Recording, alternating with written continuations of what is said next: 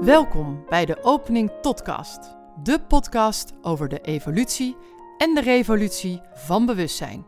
In deze podcast gaan we het onder andere hebben over ziel en bewustzijn, archetypen als de bouwstenen van bewustzijn en de nieuwe mens, de nieuwe tijd en de overgang daar naartoe. Wij zijn Geraldine van de Opening Tot en Charlotte van de Vrouw Achter Jou. En wij zijn moeder en dochter. Wij hopen hiermee inspiratie te bieden voor jouw eigen evolutie.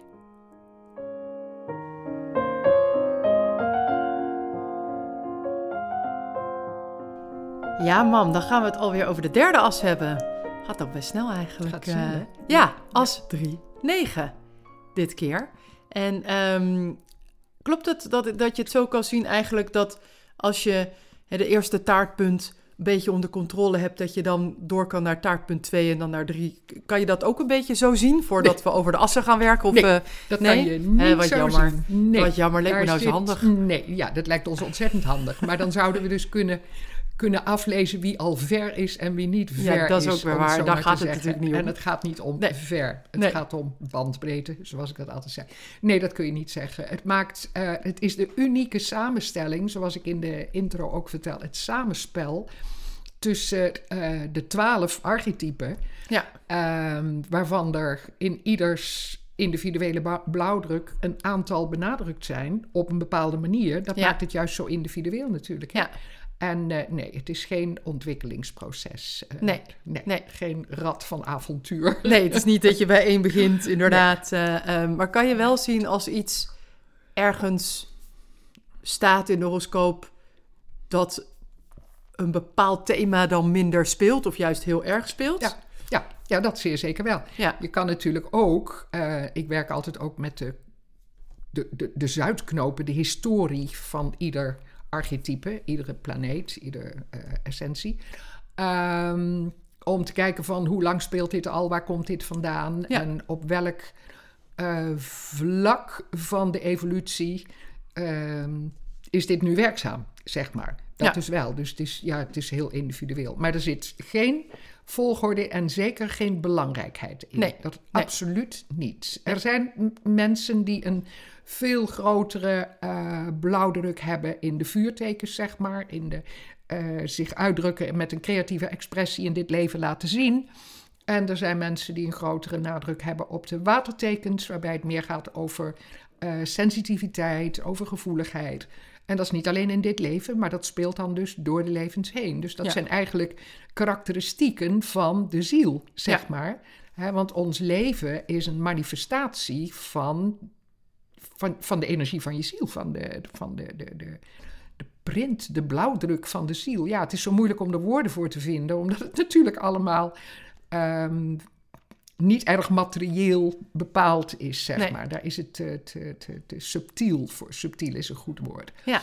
Maar eh, nee, het is ja, gewoon uniek. En voor Ja. ieder mens is het anders. Ja. En je kan heel ver terugkijken van...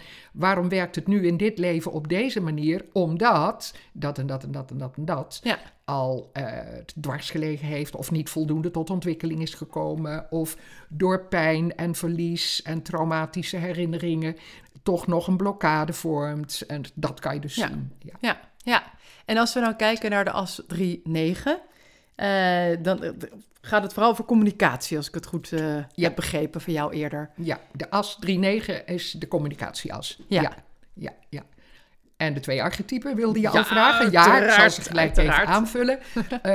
Het derde gebied is het archetype tweelingen. Mhm. En het negende gebied is het archetype boogschutter.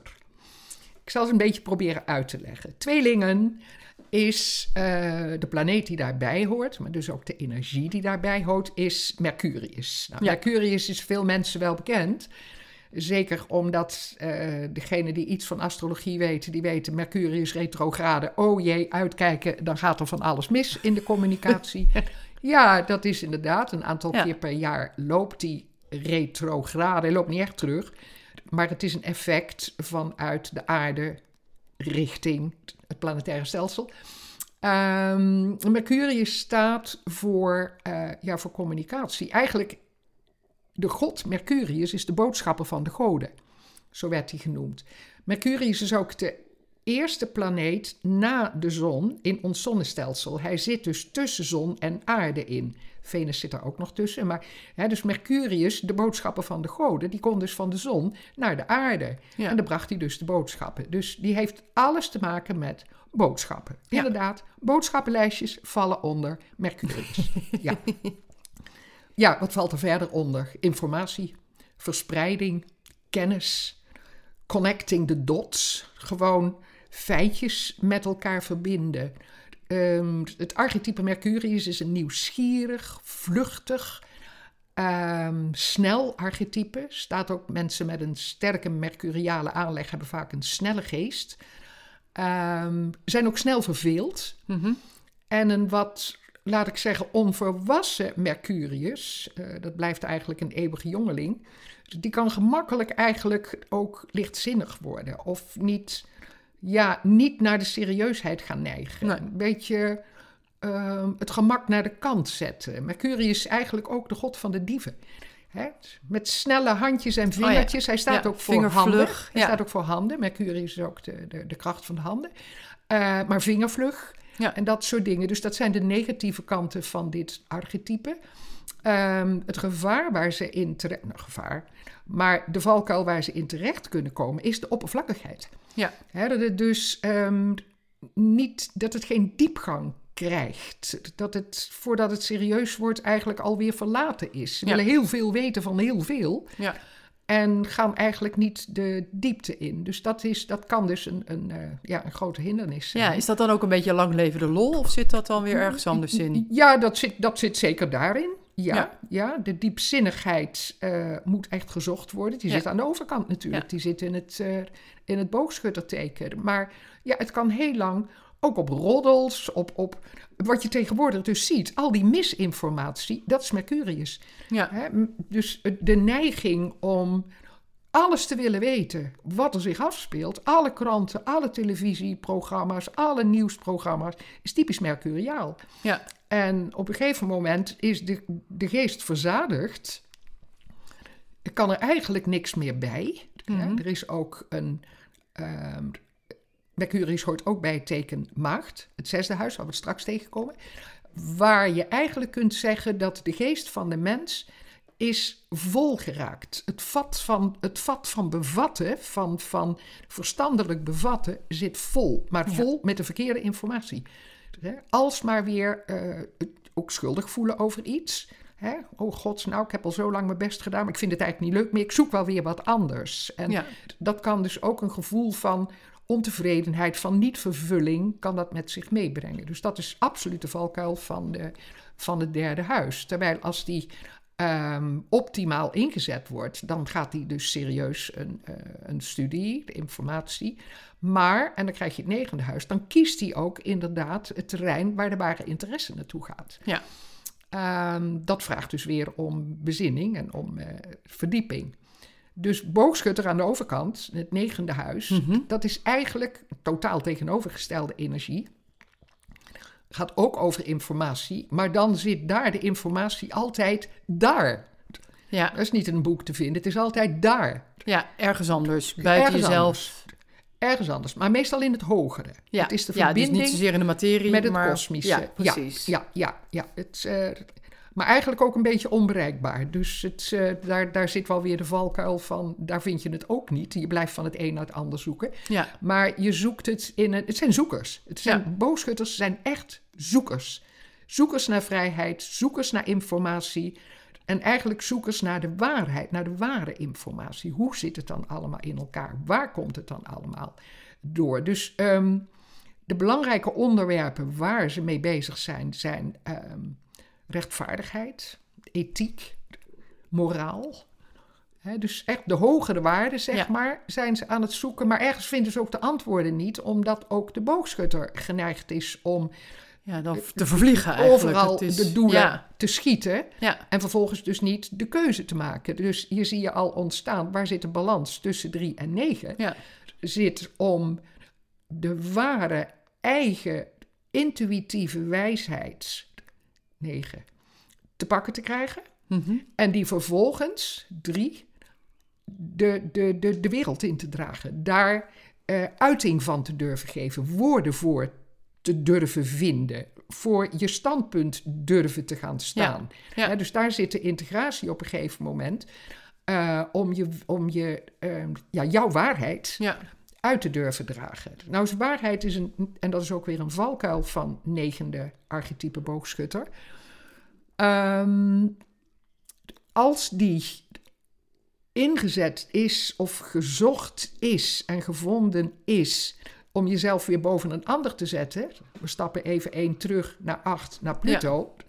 De verkeerde macht invullen omdat jij het toevallig wel weet. Ja. En anderen dus op de knieën gaan in aanbidding omdat jij de waarheid en de wijsheid en de kennis in pacht hebt.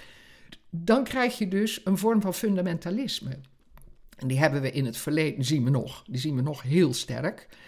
Ehm, dat bijvoorbeeld in Amerika heb je die, die, die, eh, die aanvoerders van, eh, van zelfmoordsectes, zeg maar. Hè? Dat ze gewoon dus als het ware een god vertegenwoordigen ja, waar de mensen zich bij aansluiten omdat zij waarheid en het weten hebben. En dat is dus de negatieve, op macht beluste ja. eh, uitwerking van het, eh, van het boogschutterarchetype. Dus ehm, eigenlijk de, de, de, de, de uitdaging hier is om jouw waarheid, als hij gericht is op licht en liefde, Ja.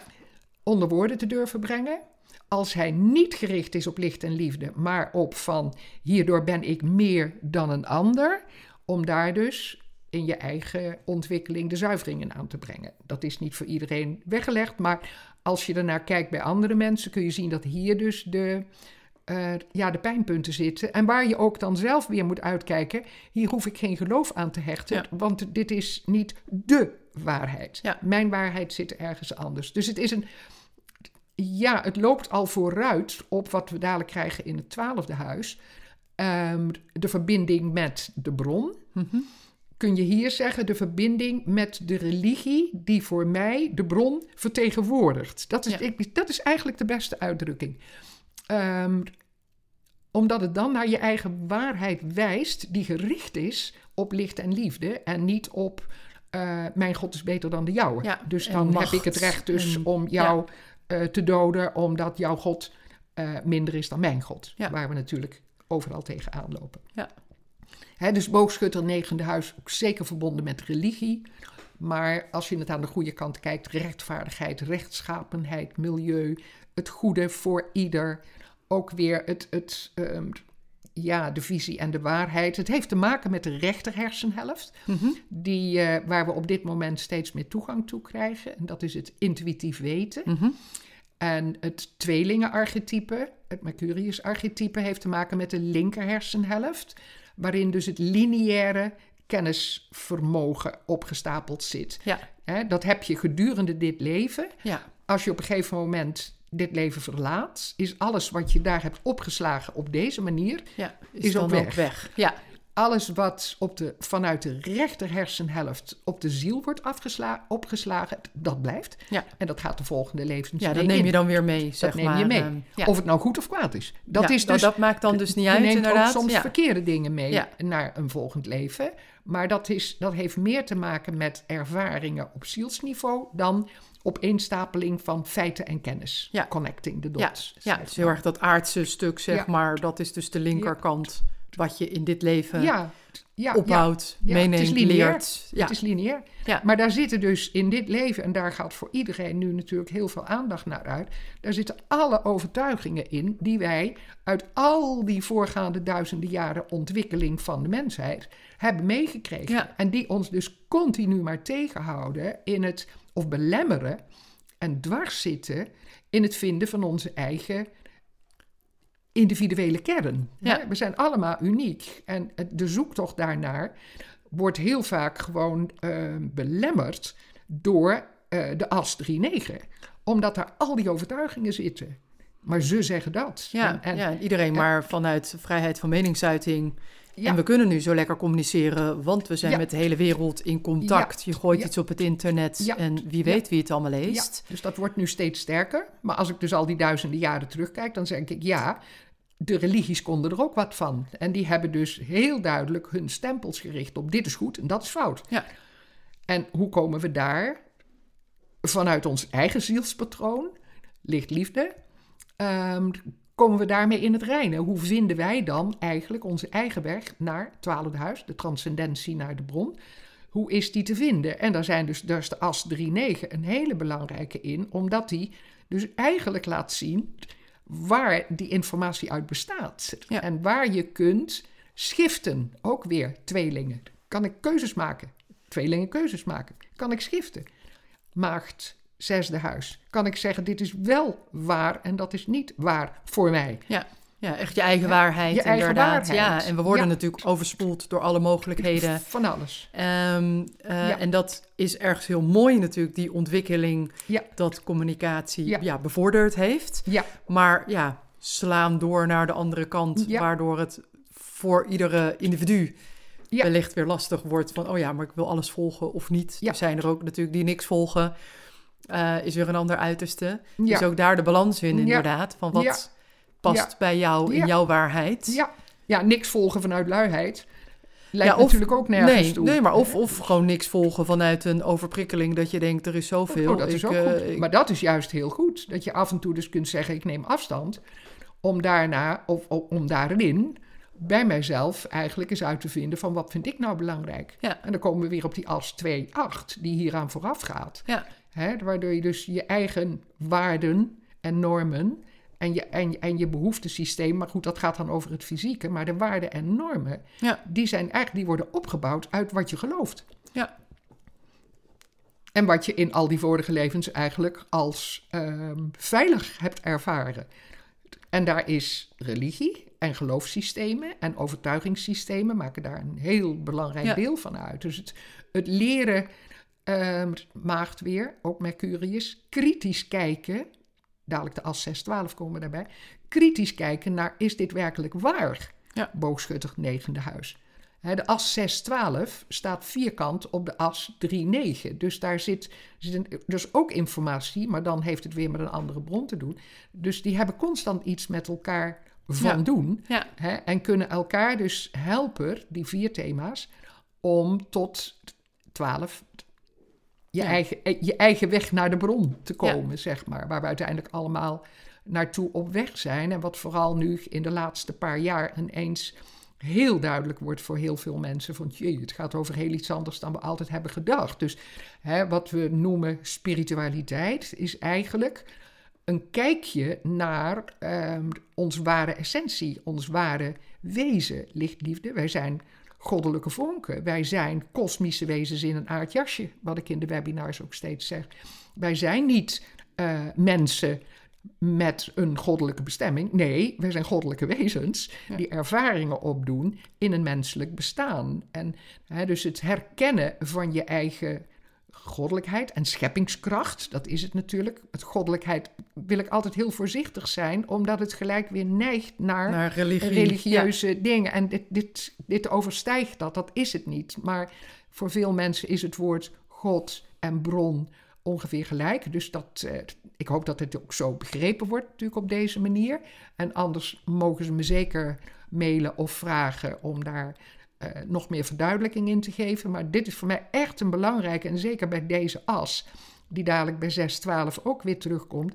Laat het woord God in ieder geval getuigen van iets groters dan wat door mensen gemaakt is. Het gaat hier om kosmische wetten. En het gaat hier niet om door mens gemaakte wetten. Want daar zijn we eigenlijk in vast komen te zitten.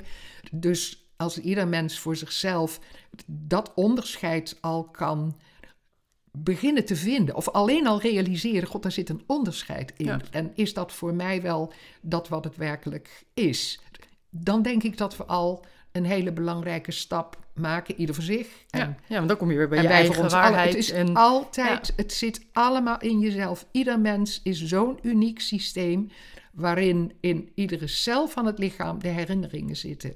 In ons verstand niet. Daar zit alleen maar opgeslagen wat overgeleverd is en wat we denken dat het is. Maar in het lichaam zit de informatie zoals die werkelijk is. In iedere cel van al die duizenden jaren en al die levens die we geleefd hebben, dat zit daar allemaal in. Dus hoe meer je ook, als de geest iets zegt, het lichaam kunt, kunt vragen of het waar is. hoe meer je bij je eigen waarheid kunt komen. Dus die Ja. zit niet in je hoofd. Nee. Die zit niet in je hoofd. Nee. Die zit in je lichaam Ja. en in je En hart. in je hart. Ja. Ja. Ja. Dus hoe meer je daar naartoe komt en daarvoor durft te gaan staan, dan kom je eigenlijk dus in het middenpunt van de Ja, dan kom je eigenlijk in het middenpunt van die twee. Ja. Dan heb je de integratie van weten en delen. Ja. Ja, zo kun je het eigenlijk en zeggen. die, de en die, integratie ho- van en die intuïtieve kennis, dat intuïtief weten, combineer je dan, denk ik. weten met een hoofdletter W. Ja? En, en eh, dat je daarvoor durft te gaan staan. En je verantwoordelijkheid nemen. Komen we via tien dadelijk. Ehm, ja, dat creëert unieke mensen. ja, ja. Die zeggen, dit, hier sta ik voor en hier durf ik woorden aan te geven. Dat, Ja. eh, Ja. ja. En die komen er steeds meer. Ja. Die komen er echt steeds meer. Dus ik hoop dat dit soort toch wel vrij sumiere uitleg, maar in ieder geval een, eh, weer een, een, een beetje verduidelijking kan Ja. geven voor de zoekenden, de boogschutters onder ons, Ja. die gericht zijn op de toekomst en de pijlen gericht houden op, maar tegelijkertijd ook kunnen zeggen van, ik sta ook wel op aarde.